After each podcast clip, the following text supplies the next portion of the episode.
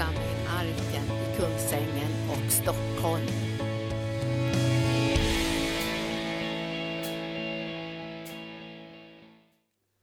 Fantastiskt härligt att vara här tillsammans med er. Jag sa det på eftermiddagen att, att eh, det är en glädje att komma hit till Arken för att det, det, det är sånt liv här.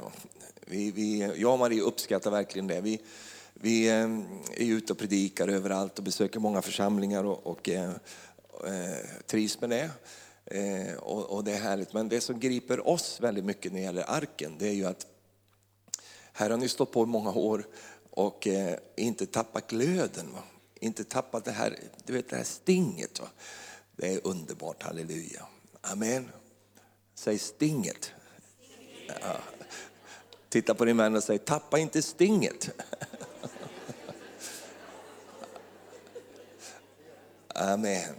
Fantastiskt, vi, vi är så tacksamma och glada över Och glöm inte bort att det här arbetet ni gör här, det är vida spritt och vida känt. Det är så många som, som uppskattar arken. Överallt där jag reser så så pratar människor med mig om, om eh, Linda och Gunnar och arbetet här. Det är känt överallt eh, och är så tacksamma. Det är alltid någon som har gått på bibelskolan eller som har kommit i kontakt med arbetet här. Och många pastorer som verkligen ser upp till er och, och, och eh, för det ni gör och det ni, ni står i. Så det, det, ska ni veta om.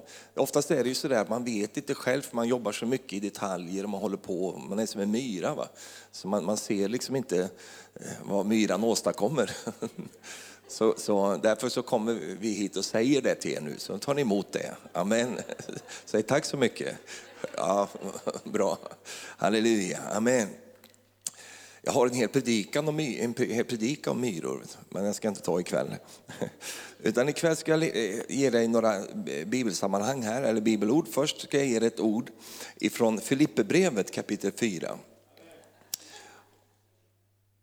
Och eh, jag vill bara att vi ska fånga upp någonting här eh, innan jag går vidare och förkunnar. Vi, vi börjar lite i eftermiddag och tala om det här med förändring och vi längtar efter det och vi önskar att få förändring i våra liv och sådär. Och det, det, är ju någonting vi gärna vill och vi sjunger om det, vi predikar om det, vi ber över det och så vidare. Men när det kommer ner till verklig handling så kan det vara svårt ibland med förändringar för att vi, vi har lagt in så mycket begränsningar i det där ordet. Vi tänker kanske att det här måste ske liksom som en atombomb som ska sprängas och så att vi kan komma igenom och så vidare. Men då försökte jag idag att, eh, precis som Linda sa här, att förstå att Gud verkar eh, övernaturligt naturligt. Eh, han, han, fungerar så bra där eh, i det, på det sättet. Och ska du vandra med Herren kommer du upptäcka det att eh, han är i ditt liv.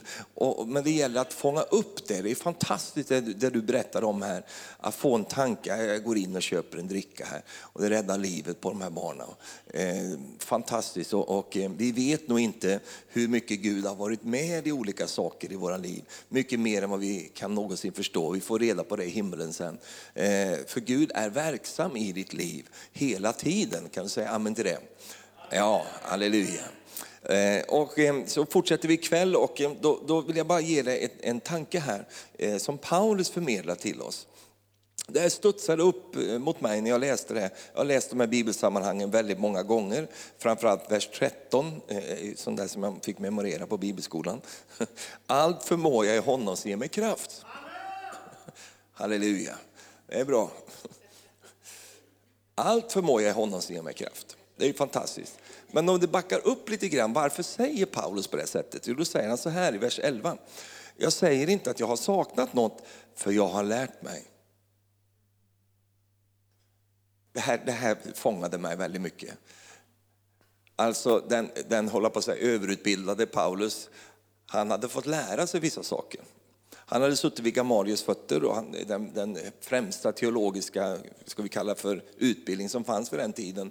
Eh, och, och eh, han var ju väl bevandrad i skrifterna och en mycket intellektuell och intelligent människa. Men han säger, jag hade inte det här från början. Jag var tvungen att lära mig det här. Vad hade han lärt sig för någonting? Jo, jag har lärt mig, säger han, att vara förnöjd eller vara nöjd eh, med det jag har. Jag kan leva enkelt och jag kan leva i överflöd. Med allt och med alla förhållanden är jag förtrogen. Jag kan vara mätt och jag kan vara hungrig, leva i överflöd och lida brist. Allt förmår jag i honom som ger mig kraft. Så då säger Paulus så här, det här kunde inte jag först. Det här har jag fått lära mig. Eh, och om du studerar lite grann runt Paulus så, så vet du nog att eh, eh, Paulus hade ju ett ganska gott liv skulle jag vilja eh, tänka mig. Alltså han, han hade ju tjänare och, och så vidare. Han levde ganska eh, socialt sett ett, eh, ett, ett, ja, han levde ett gott liv. Och så får han kastas in i olika ting där det är brist och det är, han får glida på olika sätt. Och då säger han, det har jag fått lära mig. Jag har fått lära mig att vara nöjd i alla livets omständigheter. Alltså, min tanke här nu, det är vissa ting i livet får man lära sig genom att man vandrar igenom de här sakerna. Man får möta det, man, man eh, kanske har en viss tanke om saker och ting, men, men så eh, möter man ting man inte är riktigt förberedd för, eh, saker som man egentligen inte ska vara förberedd för, därför att det, det är liksom hemska saker, man behöver inte hålla på och tänka sådana förberedelsetankar. Men när man är där så kan det finnas väldigt mycket lärdom att få tag på i de situationerna. Eh, jag har lärt mig, säger han, halleluja, att jag kan vara nöjd i alla omständigheter. Därför och konklusionen är ju så underbar som du ropade amen till förut där. Att allt förmår jag i honom. Jag förmår inte alltid mig själv, men i honom förmår jag allting. För han ger mig kraft. Halleluja, amen. Det är väl härligt. Jag vill gärna gå med dig till, till eh, en, eh, ett bibelsammanhang ikväll så ska vi tala utifrån det. Eh, det står så här i Jeremia bok, apropå att, att få, få lära sig saker och ting om livet, om sig själv, om, om en mängd saker. Det står så här i Jeremia 18. Gud talar till Jeremia här. Och så ska han ge honom ett, ett profetiskt ord. Han ska låta honom höra hans ord, säger han här. Och då säger Gud så här till Jeremia. Stå upp och gå ner till krukmakarens hus. Där ska jag låta dig höra mina ord. Det här tycker jag är helt fantastiskt. Vad är det för fantastiskt med det säger du? Jo, att Gud inte bara säger till Jeremia, så säger jag, alltså så säger Herren. Utan Gud säger, Jeremia, gå ner till krukmakarens hus och där ska du få höra mina ord. Då gör Jeremia där, han går ner till krukmakaren och så, så ställer han sig och tittar på krukmakaren och så står det vidare så här. Att, eh, då gick jag ner till krukmakarens hus och såg att han arbetade på drejskivan. Och kärlet som han höll på att göra av leran misslyckades i hans hand. Då började han om och gjorde av leran ett annat kärl så som han ville ha det. Och Herrens ord kom till mig och han sa, skulle inte jag kunna göra med er, ni av Israels hus, så som denne krukmakare gör? Se, säger Herren, se som, som leran är i krukmakarens hand, så är ni, Israels hus, i min hand. Far, jag tackar dig för att du öppnar det här ordet för oss ikväll. Låt oss se det vi behöver se, Herre, och hjälp oss att eh, eh, bygga våra liv utifrån det vi har sett från dig. Amen. Så då säger Gud så här till honom, nu ska jag låta dig höra mina ord här. Genom att ge dig en powerpoint, genom att visa dig någonting. Och så stod ju Jeremia där och tittade på den här krukmakaren. Bara för att förenkla för oss allihop. Vem är krukmakaren i den här bilden tror du? Säg Jesus. Det är Herren som är krukmakaren. Okay? Vem, är, vem är kärlet? Har vi några kärl här ikväll? Ja, bra. Ja, så vi, vi har liksom begreppen rätt här. Så står han och jobbar med den här, det här kärlet, den här lerklumpen där. Och så står det intressant där, då står det, så misslyckades kärlet. Det står inte att krukmakaren misslyckades. Kärlet misslyckades i hans hand. Och vidare står det, då tog han upp kärlet på nytt igen och gjorde och la upp det på drejskivan och gjorde ett, ett annat kärl. Säg ett annat kärl. Mm. Varför då? Det första kärlet misslyckades. Så då gör han ett nytt kärl, ett annat kärl. Och det är det här jag ska snickra ut här ikväll tillsammans med dig. Mina tankar, eller, och jag tror Herrens tankar om ditt och mitt liv. Alltså, det misslyckades i hans hand. Finns det någon här ikväll som känner igen ordet misslyckande? Finns det någon här som har misslyckats någon gång? Är du bekant med ordet? Ja. Hur många har misslyckats två gånger? Ja, ja, det är bra, jag vill att vi ska... Då säger jag bara så här, välkommen till klubben. Här sitter ett gäng misslyckade människor. Varenda en utav oss. Och, och eh, du behöver inte bara vara nervös och känna dig liksom utanför och sånt där, utan här, här är alla på samma våglängd. Vi är ett gäng misslyckade människor här. Om du blir provocerad av det jag säger nu, då, då, då ska jag fortsätta säga det här. Om du tycker, ja, men jag är inte misslyckad. Jo, men alla människor misslyckas. Det ingår i själva livet. Va?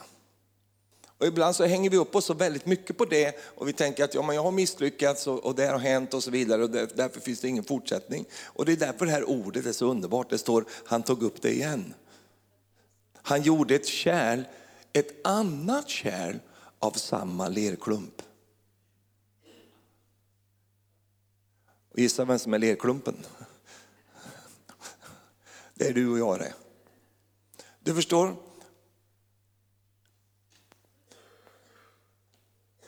Första gången så misslyckades det.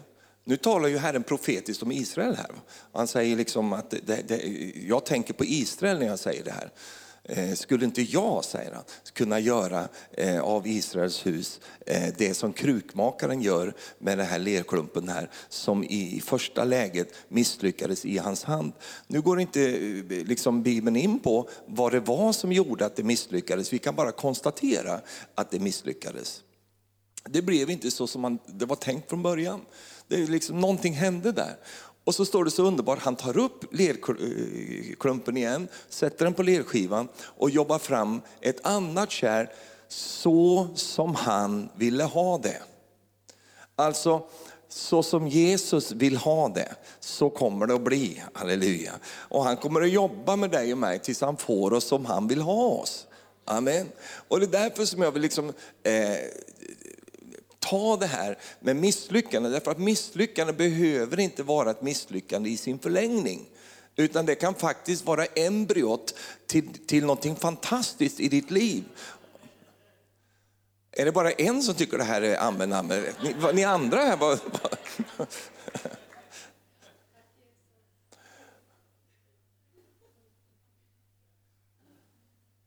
Hiskia säger så här, man bara får läsa det för dig, du behöver inte slå upp det men, det, men du kan bara veta att det står där i Jesaja 38, vers 17. Han säger så här, det är konungen Hiskia, han säger så här, se det som var så bittert för mig har blivit mig till nytta.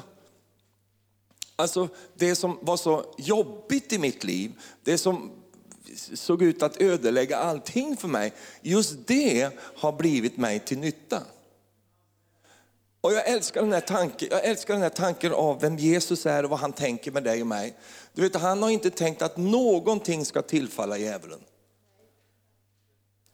Alltså han går inte in i förhandling med djävulen och säger så, okej okay, det första, första kärlet där va, det, det, liksom, det gick åt skogen med dig där va, eh, och så vidare. Och det, det, får vi ta, så vi, vi, slänger bort den klumpen där och så får vi göra någonting. Nej, Jesus säger, jag ska ha allting.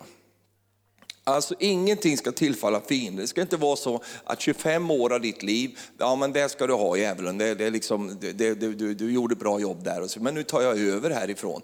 Men Jesus funkar inte så, utan han, han tar allting, misslyckandena, de dåliga grejerna, allting, och så formar han ditt liv på ett sådant sätt, så som han ville att det skulle bli med ditt liv. Amen. Och därför när vi tänker så här med misslyckanden och sådana saker, då tänker vi, åh hade inte det hänt? Om det inte hade blivit på det där sättet, då hade det ju, åh, Tänk vad bra det hade varit då om den inte blivit på det här sättet. Men, men då förstår du inte liksom, eh, hur, hur, stor Gud är. Du förstår att Gud kan ta det som var så bittert för dig och så kan han vända runt på det och göra det till någonting som blir dig till nytta nytta genom livet. Kan du säga amen till det då? Halleluja. Nu talar vi om en stor Gud. Vi talar om en Gud som förmår att göra mycket mer än vad vi kan bedja eller tänka. Vi, vi, vi, vi, talar om en Gud som, som kan göra vad som helst stort och starkt. Och han kan ta en människa som sitter i ett misslyckande och, och, och liksom lyfta upp den personen på sin drejskiva igen och börja forma den människan på ett sådant sätt så att han får det som han vill ha ut utav våra liv. Amen, halleluja. Och det här tycker jag är underbart. Du förstår, det som såg ut att vara din stora nackdel i livet, det kan vändas och bli till din stora fördel.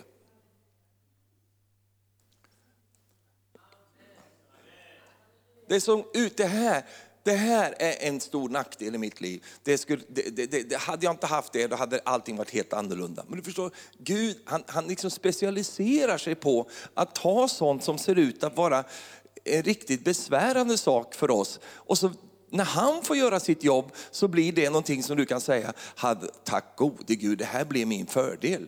Det här blev mig till nytta. Halleluja, amen. Sån är Gud. Han fungerar på det sättet. Men, men då måste vi tillåta honom att, att få göra sitt jobb, att få göra färdigt det som han vill göra färdigt. Amen. Du förstår, Gud kommer aldrig att ge dig ett liv där du inte behöver honom. Nu hade jag mustasch i min mun här. Men nu tar jag ut lite mustasch här.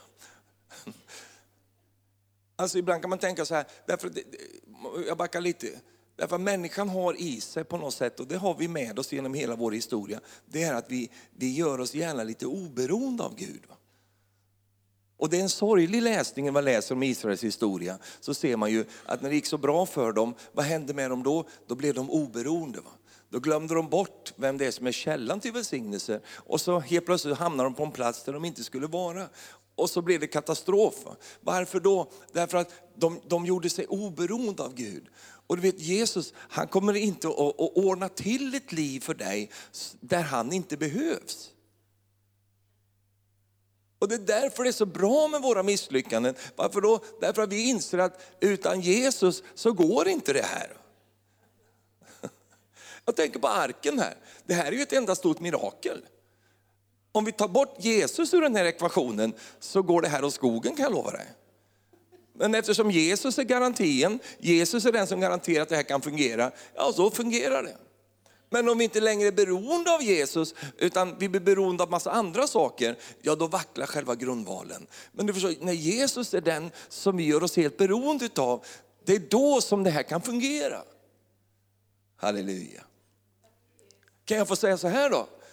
Det är där på de områden där du behöver Jesus mest som han kan använda dig mest.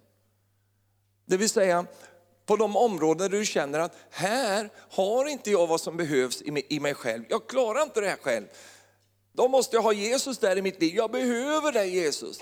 Och det är där, på de områdena, som Jesus kan bruka dig mest i livet. Amen. Jag tycker ju om de här, eh, man kan titta på de här olika talent, eh, vad heter det, talang och så, idol och alla begåvningar som människor. Det är fantastiskt. Och visst, Gud kan använda det lite begränsat där. Han använder människor som har sina begåvningar och allt det där. Fantastiskt, underbart. Men där Gud kan använda det mest, det är där du eller jag inser att jag behöver honom allra mest här. Där kan Gud verkligen bruka dig. Därför att där är kopplingen upprättad. Där finns det en länk mellan Gud och dig och den länken heter beroende. Jag är beroende av dig Gud här. Och, och, du förstår att när jag går igenom misslyckanden i mitt liv, när jag upptäcker att oj, det, det blev inte som, som det skulle bli här och jag får nåd av Gud att, att liksom än en gång låta honom arbeta med mitt liv. Det är då jag kan sitta igen med den här erfarenheten i mitt liv. Att när jag försökte och var, var självduktig, ja men då gick det åt skogen. Men när jag blev beroende av Jesus och när han fick göra sitt verk, då gick det bra. Halleluja. Att sitta igen med den erfarenheten är väldigt bra. För då kan Gud börja bruka dig ännu mycket mer. Varför då? Inte för att du är så talentfull eller har så mycket begåvningar, utan för att du har gjort dig beroende utav honom.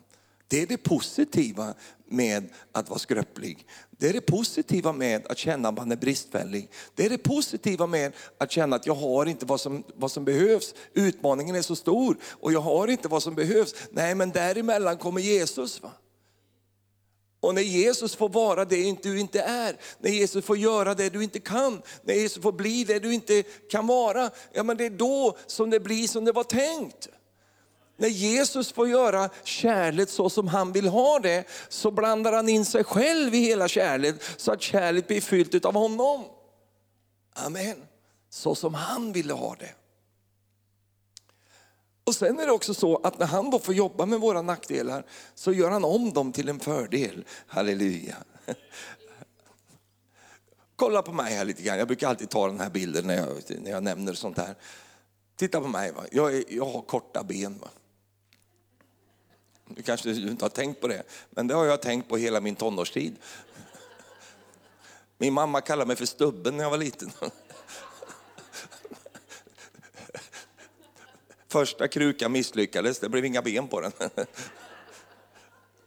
Och det fanns ju sina fördelar att ha korta ben när jag växte upp. Dels så, så, så, när man köpte ett par byxor fick man alltid två, va? för de var ju för långa, man kunde klippa av dem och göra handskar och mössor av dem. De och sen var det det att man, man, man, när man har såna här korta ben så kan man komma upp i fart väldigt fort. Va? Så på, när, innan man gick i högstadiet så fick man ju springa 60 meters lopp. Sådär, va? Jag vann ju varenda lopp. Och de här benen de kom upp från 0 till 100 på ingen tid alls. Det är som att köra på ettan. Va? De bara sticker iväg så här. Så jag vann allting som hade med 60 meter att göra. Men sen när vi kom upp i högstadiet, då, var det ju, då ökade de den där längden till 100 meter. Då förlorade jag alla lopp. Därför att de här kan ju bara gå en viss hastighet. Va? det är ju som att köra på ettan. Va? Du kommer en viss hastighet men du kommer inte mer. Va? Då förlorade jag allting. Va? För då var det alltid någon som hade där långa älgben. Va? Som, det tog liksom 50 meter för att komma upp i hastighet. Men sen när de väl kom igång, va? då vann de alla de där loppen. Va? Och då tyckte jag det var så jobbigt att ha sådana här korta ben. Så det var så jättejobbigt. Va? Fy alltså.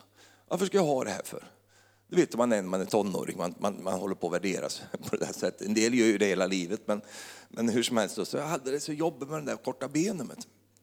Gud, jag bad inte så mycket, men jag tänkte på det i alla fall. Jag tyckte det var så jobbigt med de här som hade långa ben. Och jag har såna korta stubbar. Det finns ju sina fördelar som jag sa, för nu har jag upptäckt att det är väldigt fördelaktigt att ha korta ben. När man är ute och flyger till exempel, vet du, jag kan ju sitta liksom, inga problem, jag sitter med raka ben. Vet du. Jag flög med, med en som hade väldigt långa ben. Vet du. Alltså, oh, han fick ju trycka ihop sig så här. Jag satt ju där och vräkte ur mig. Mina ben är korta. Det var perfekt. Så det finns fördelar. Men jag tyckte inte det då. Va? Men Marie, vet du, hon bodde i Tranås på den tiden. Och hon tyckte att hon hade så långa ben. Nu, nu har du ju inte det, men man tycker massa saker. Va? Så hon var så, hon var så, det var så jobbigt att ha så långa ben. Va? Och så ber hon en sån här flickebön va? Som, som man ber när man är liten. Så bara, åh käre Jesus, ge mig en man med korta ben.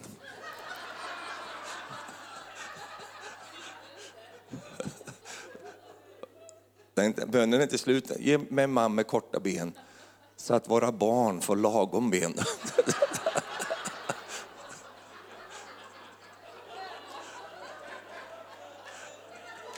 Vilken bön va? Och sen då, och det var, de var, jag vet inte hur gammal du var då, 11 år kanske eller något sånt där va? Var det 14 till och med va? Oj. Sen då så gick det några år va? Och, så där, och sen så råkade vi hamna på samma skola. Eh, och, och, vi gick på samma folkhögskola. Och, och, då kom jag, jag skulle gå lite senare och hon gick redan där, skulle komma in där. Då hade hon hört att det var en kille med i den nya klassen som skulle komma där. Så då kom jag in där, då kom jag från lilla Finnerödja. Ja, jag vet, du vet inte ens vad det är för något. Det är faktiskt en liten plats där man säljer jordgubbar och grejer. Förr i tiden var det ju. Hur många vet var Finnerödja ligger? Bra, du behöver inte veta mer. Det är en liten plats. Där växte jag upp. Va?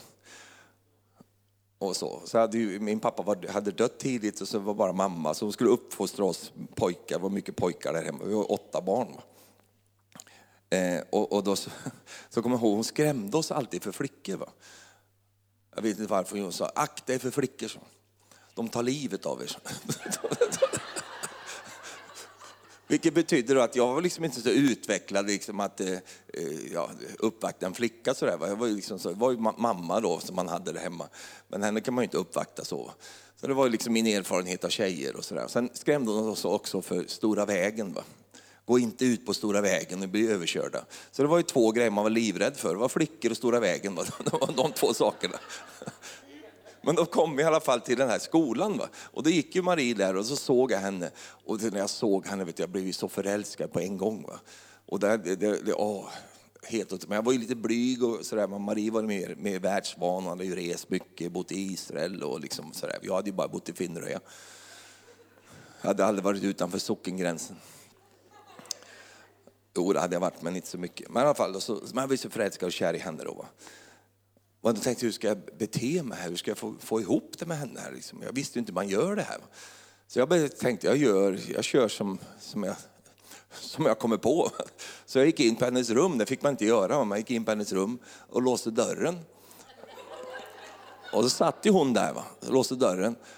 Och sen så bara, jag vet inte vad jag gjorde med nyckeln, jag slängde under sängen och sådär. Så sa ja nu är jag här. Så. Jag går inte härifrån först du säger att vi kan vara ihop. Så. Det är helt sjukt. Va? Nu är inte det här något, något, något föredömligt eller exempel för er killar att uppväcka flickor på, utan det är mer ett varnande exempel. Men i alla fall så, och då vet du vad hon gjorde då? Då hoppar hon ut genom fönstret. Bara försvinner ut genom fönstret. Och det var ju iskallt, det var ju januari eller något sånt där. Och, det var, och jag tänkte, vad, gör, vad gjorde hon? Och då vaknade jag ju till. Tänkte, vad har jag gjort för någonting? Idiot, va? vad gör jag? Men så tänkte jag så här efter ett tag, men jag tyckte jag såg någonting i hennes ögon när hon hoppade ut där. Va? Det var nog lite hopp där i alla fall. Så jag tänkte jag gör samma sak imorgon igen. Så jag gjorde det också. Jag kom upp där, låste dörren, samma, jag hade inte så mycket uppfinningsrikedom, samma grej. Och så jag går inte, ihop, jag går inte ut för du säger att vi är ihop. Och då sitter hon där på sängen och säger, ja men okej då. Och då visste inte jag, då hade jag ingen mer på repertoaren. Jag visste inte vad jag skulle göra för någonting. Så sa jag, ja, tack så mycket då. Så gick jag hem. Helt galet va.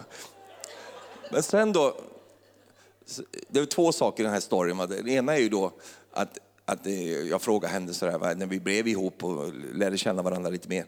Så, så frågade jag, hur kom det sig? Liksom, så hoppa ut där första kvällen, sen, sen sa du ja nästa kväll. Så berätta, var, var, var, varför gjorde du så?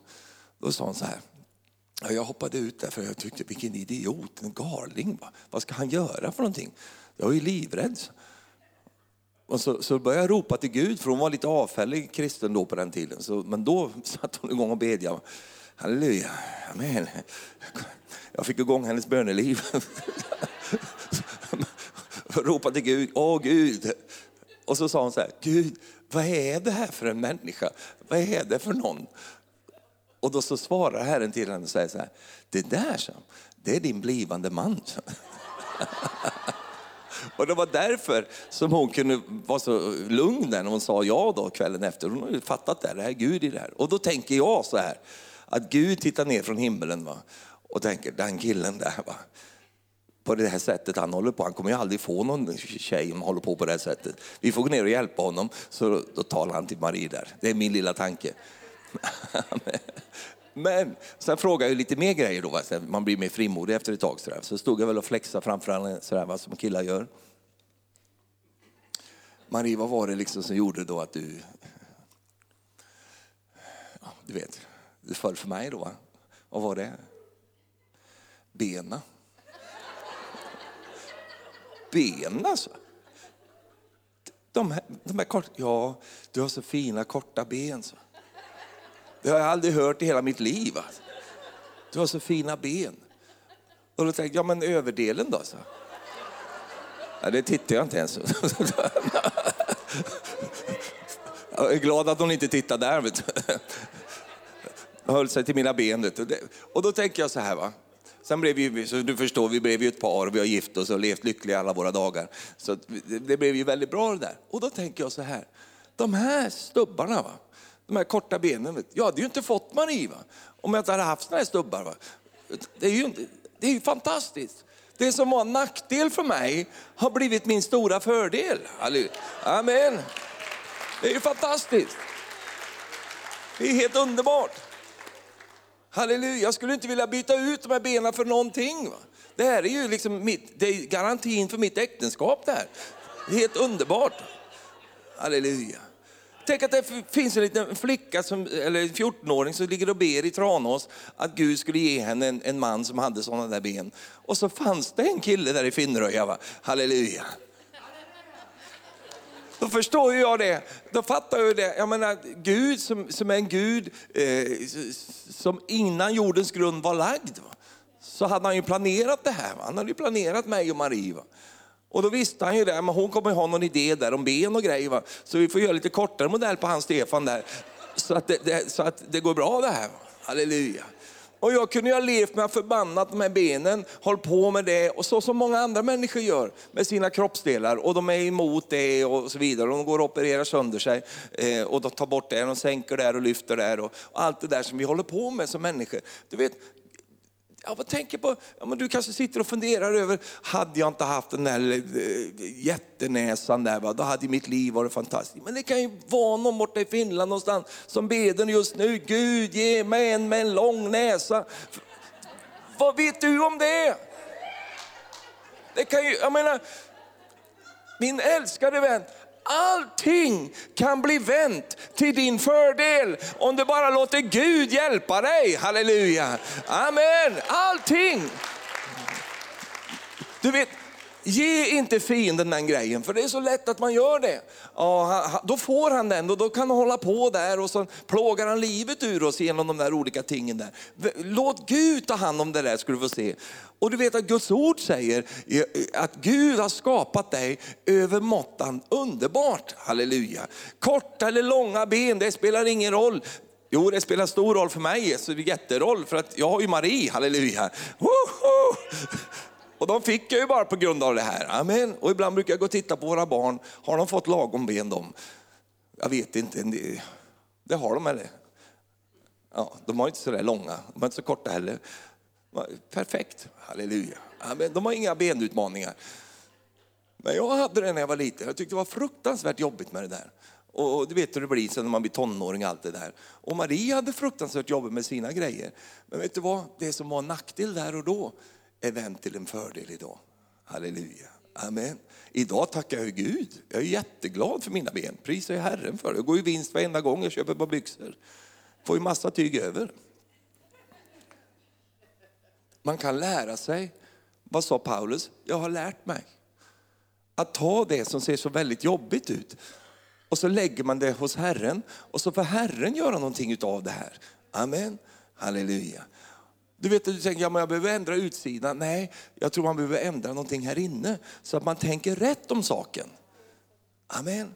Du, du kanske har andra utmaningar i ditt liv som du tycker att det här är, är bedrövligt. Det här är liksom jättejobbigt. Ja, men om Gud får arbeta på sin drejskiva med dig så kommer han att göra någonting med dig där de här sakerna är inkluderade. Men han kommer att göra på sådant sätt så att det blir en framgång i ditt liv istället för ett misslyckande. Halleluja. Amen. Jag ska avsluta ikväll, för jag började med det i eftermiddags. Jag ska avsluta med, med Petrus. Petrus var ju som, som det funkar bra i den här predikan i alla fall. Han var en ganska misslyckad fiskare. Nu vet jag ju inte det 100 procent, för det, bara, det finns bara två tillfällen som vi kan titta på det här och se att Petrus faktiskt var ganska misslyckad. Han var i alla fall misslyckad de där två gångerna. Första gången, Lukas 5, när Jesus lånar hans båt. Och då heter han Simon. Och Simon betyder han som lyssnar. Och Simon var ju en sån, han lyssnade. Och då, då när Jesus lånar hans båt då, eh, efter då så säger Jesus, nu kan du kasta ut på djupet här.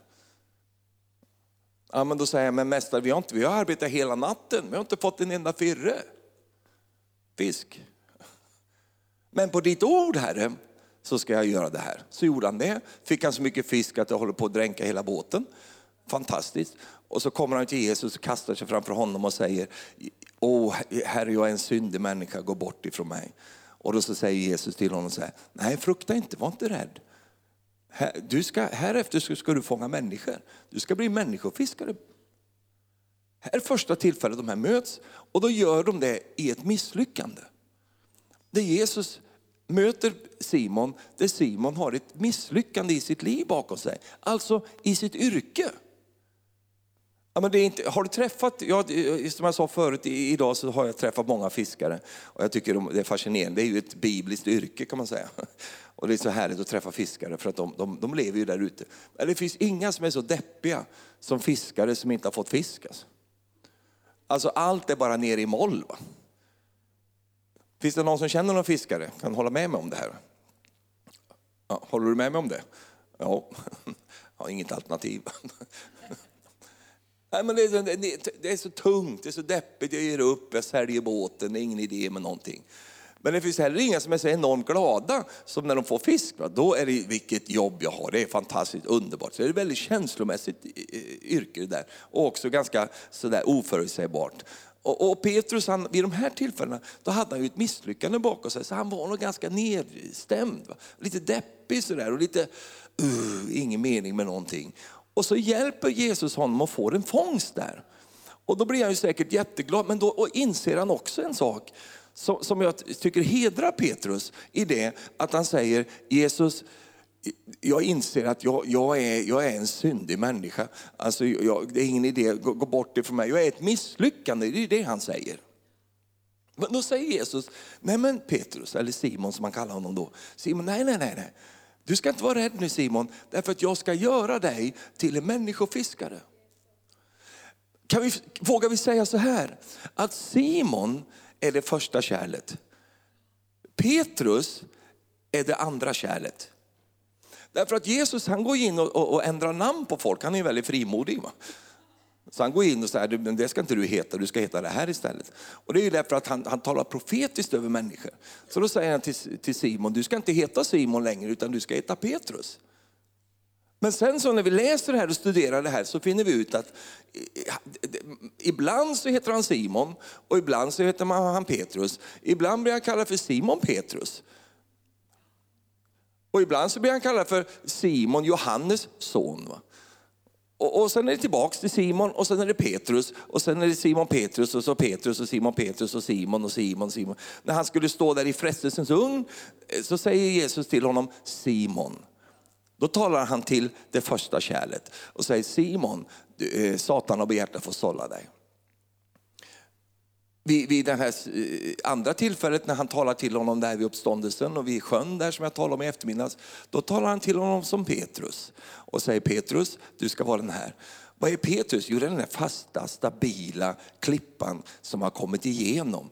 Vi kan säga så här, det är kärl så som han ville ha det. Och det här tycker jag är så fascinerande och spännande. När Jesus då kommer in i våra liv så kommer han in i våra misslyckade liv.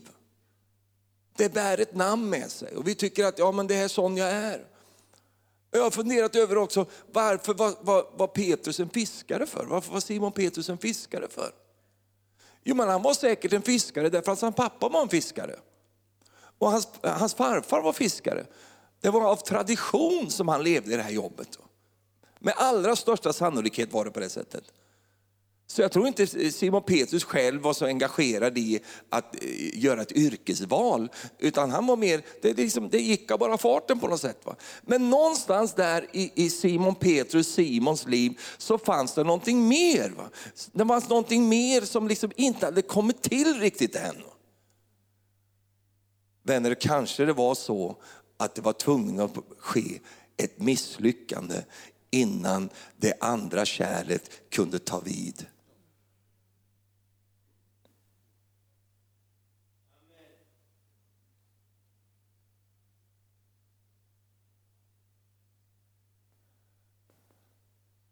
Vi följer det här, de här olika namnen. Simon, Simon Petrus, Petrus, Simon, Simon Petrus, Simon Johannesson. Vi håller på där. Vi ser. Och då tänker man så här, den killen där, vad heter han egentligen? Vem, är du Simon? Vem är du egentligen? Och då ser man, det här är en kristens resa. Va? Det, det, det, det himmelska namnet är redan uttalat, det är där. Det, det första kärlnamnet är också där och hänger sig i lite grann där och så vidare. Men när Jesus då har fått jobbat färdigt med drejskivan, läs får du se i Apostlagärningarna, det står ingenting om Simon där, det står bara om Petrus. Va? Varför då? Därför att Petrus var igenom. Amen. Han, var, han hade blivit det som var uttalat över honom. När Jesus tittar på dig så ser han ju vem du är nu. Han ser också att det kommer att bli en del misslyckanden i ditt liv. Det har Jesus redan kalkylerat med. Han har räknat med att det blir på det sättet. Kärlet misslyckas i hans hand. Det vet Gud, han vet om det. Och därför behöver vi inte vara så dramatiska när det gäller sådana misslyckanden. Vi behöver framförallt inte placera människor just i ett misslyckande. Därför att det är någonting som sker alla människor. Och det är en del av att jag tycker det är så underbart med arken. Här får ju vi misslyckade människor plats. Va? Här är ju en misslyckad predikant som får komma hit och predika. Halleluja. Ja, men Stefan, du är ju en sån framgångsrik predikant. Ja, det beror på hur du ser på saken. Jag har många misslyckanden i mitt liv. Mycket saker som jag kan bara skulle kunna lyfta fram och så vidare. Det är kanske inte det du sitter och tänker på nu. Därför att du kanske ser, ser det andra kärlet. Men jag är mycket väl medveten om min, min tidigare kärl. Som, som Herren har omformat och knådat och fixat med. Halleluja. För det första kärlet hade ett visst problem. Det hoppade av drejskivan hela tiden. Det hade små ben, även om de var korta. Va? Så, jag ville av hela tiden. Jag är färdig nu, jag hoppar av där. Nu sticker vi, känns bra, halleluja. Amen. Och rakt ner i golvet och så blir det en klump av det. Och så tittar Herren och säger, ja vi tar upp det igen Stefan. Och så sätter vi dig och så snurrar vi på. Halleluja. Och så formar han och så jobbar han och så håller han på. Till dess att han får det som han vill ha det. Amen. Du som går bibelskolan här. Du är på drejskivan nu. Du som är i församlingen, det är också som en slags det är krukmakarverkstad. Halleluja. Men vad jag ville skicka med dig framför allt i den här predikan, det är just det där att du ska inte vara så jätteledsen över att du kanske har någonting som du upplever som ett stort misslyckande i ditt liv. Utan istället ska du veta det, att han som har börjat ett gott verk i dig, han kommer att fullborda det verket. Halleluja. Du säger, men jag vet inte hur det ska gå till.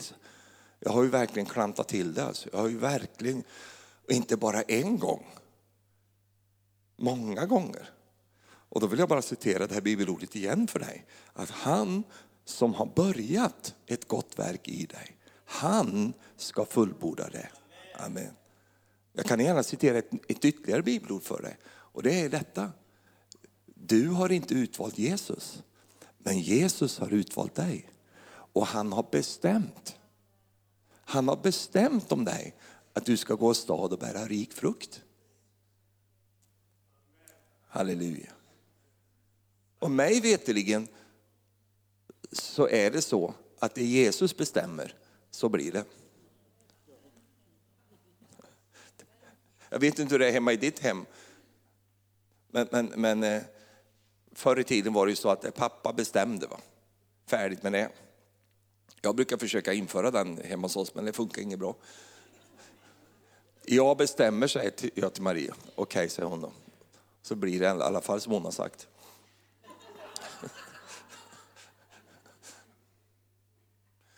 Men en sak kan vi hålla med om i alla fall, att om Jesus bestämmer någonting,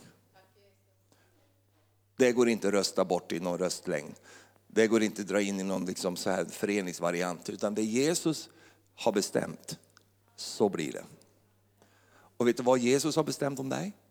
Att du ska gå stad och bära rik frukt som blir bestående. Vet du vad han har bestämt mer? Att han ska fullborda sitt verk i ditt liv. Amen. Han ska göra det färdigt. Halleluja. Sånt här ska du tänka på när du känner dig misslyckad. När du känner, känner dig värdelös, när du känner dig kass. Tänk på det då, att Jesus är inte färdig med dig. Amen.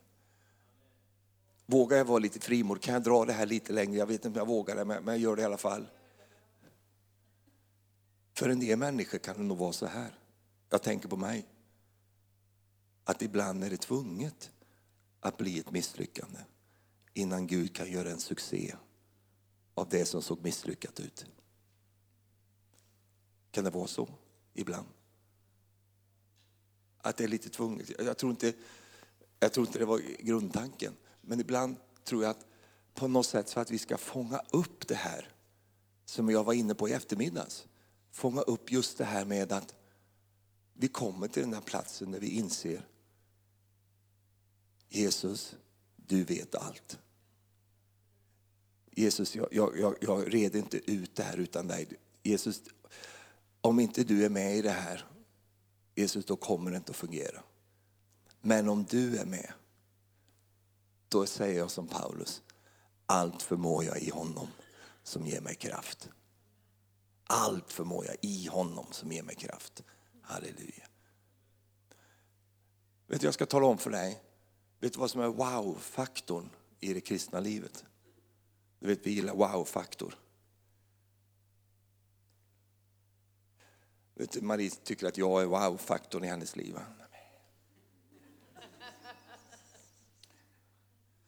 Men vet du vad som är wow-faktorn i det kristna livet? Jesus. Det är Jesus som är wow-faktorn.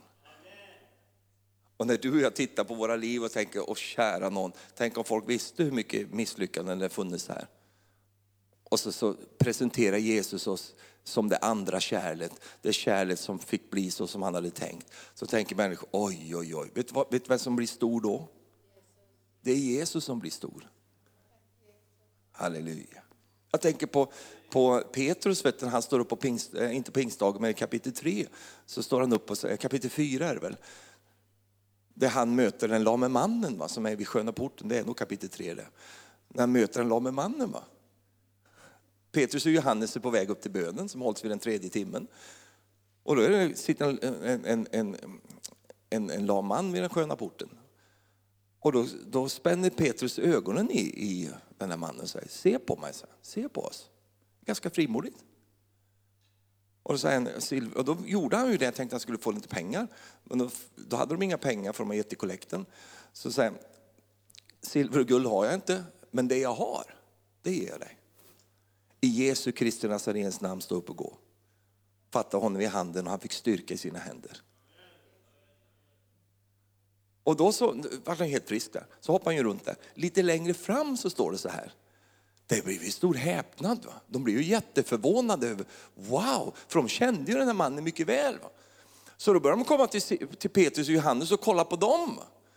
Och då säger Petrus till dem, och säger, varför kollar ni på oss?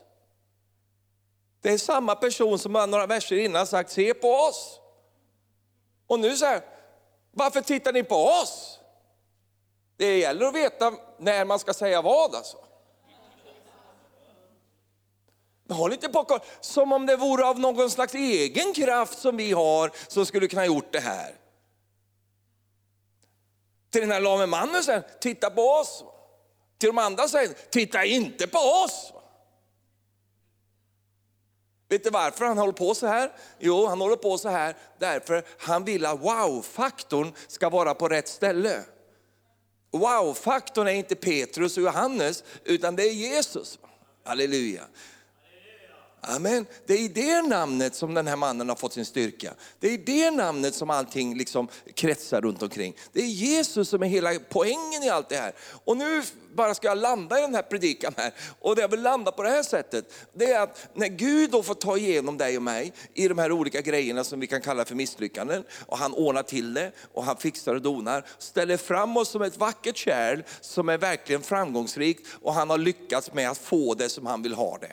Men du förstår, förstår att när han får det som han vill ha det, så har han också byggt in någonting i det här kärlet. Och det är det här, det är Jesus som har gjort det här. Det är han som är hela grejen. Därför att hade det berott på mig, då hade jag fortfarande varit en Simon. Då hade jag fortfarande varit en misslyckad fiskare. Då hade jag fortfarande varit en som bara gått i mina fäders spår och gjort liksom det som förväntades på mig. Jag hade varit väldigt liksom frustrerad på insidan, därför att det varit ett heligt kall som har legat här som aldrig hade fått komma ut, utan jag hade bara fått gått där. Och jag hade varit en sur, grinig, deppig fiskare som hade gått omkring. Men eftersom Jesus kom till min båt och säger till mig, kasta ut på djupet. Och jag svarar och säger, jag har inte fått någon fisk, vi har jobbat hela natten, men jag ska göra det på ditt ord. Därför att han kom till min båt så fick jag uppleva någonting som jag inte hade upplevt förut. Han hjälpte mig och lyfte mig ut ur mig själv och in i honom. Och nu när jag står här och tittar på en lam man där som ligger vid sköna porten, så har jag frimodighet att kunna säga,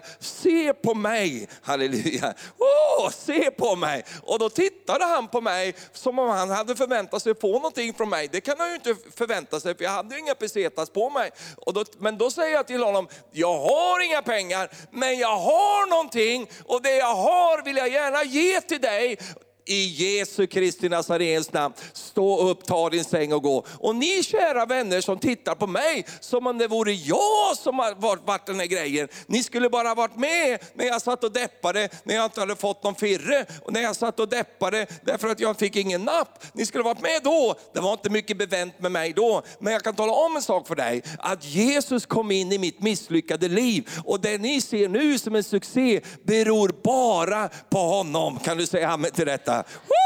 Halleluja! Amen! Det beror bara på honom.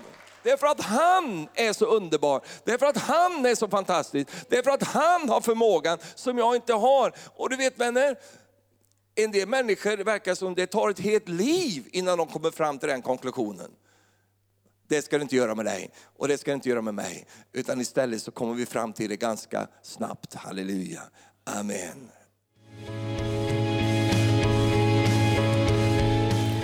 Tack för att du har lyssnat. Vill du få del av mer information om församlingen Arken, vår helande tjänst, bibelskola och övriga arbete, gå in på www.arken.org.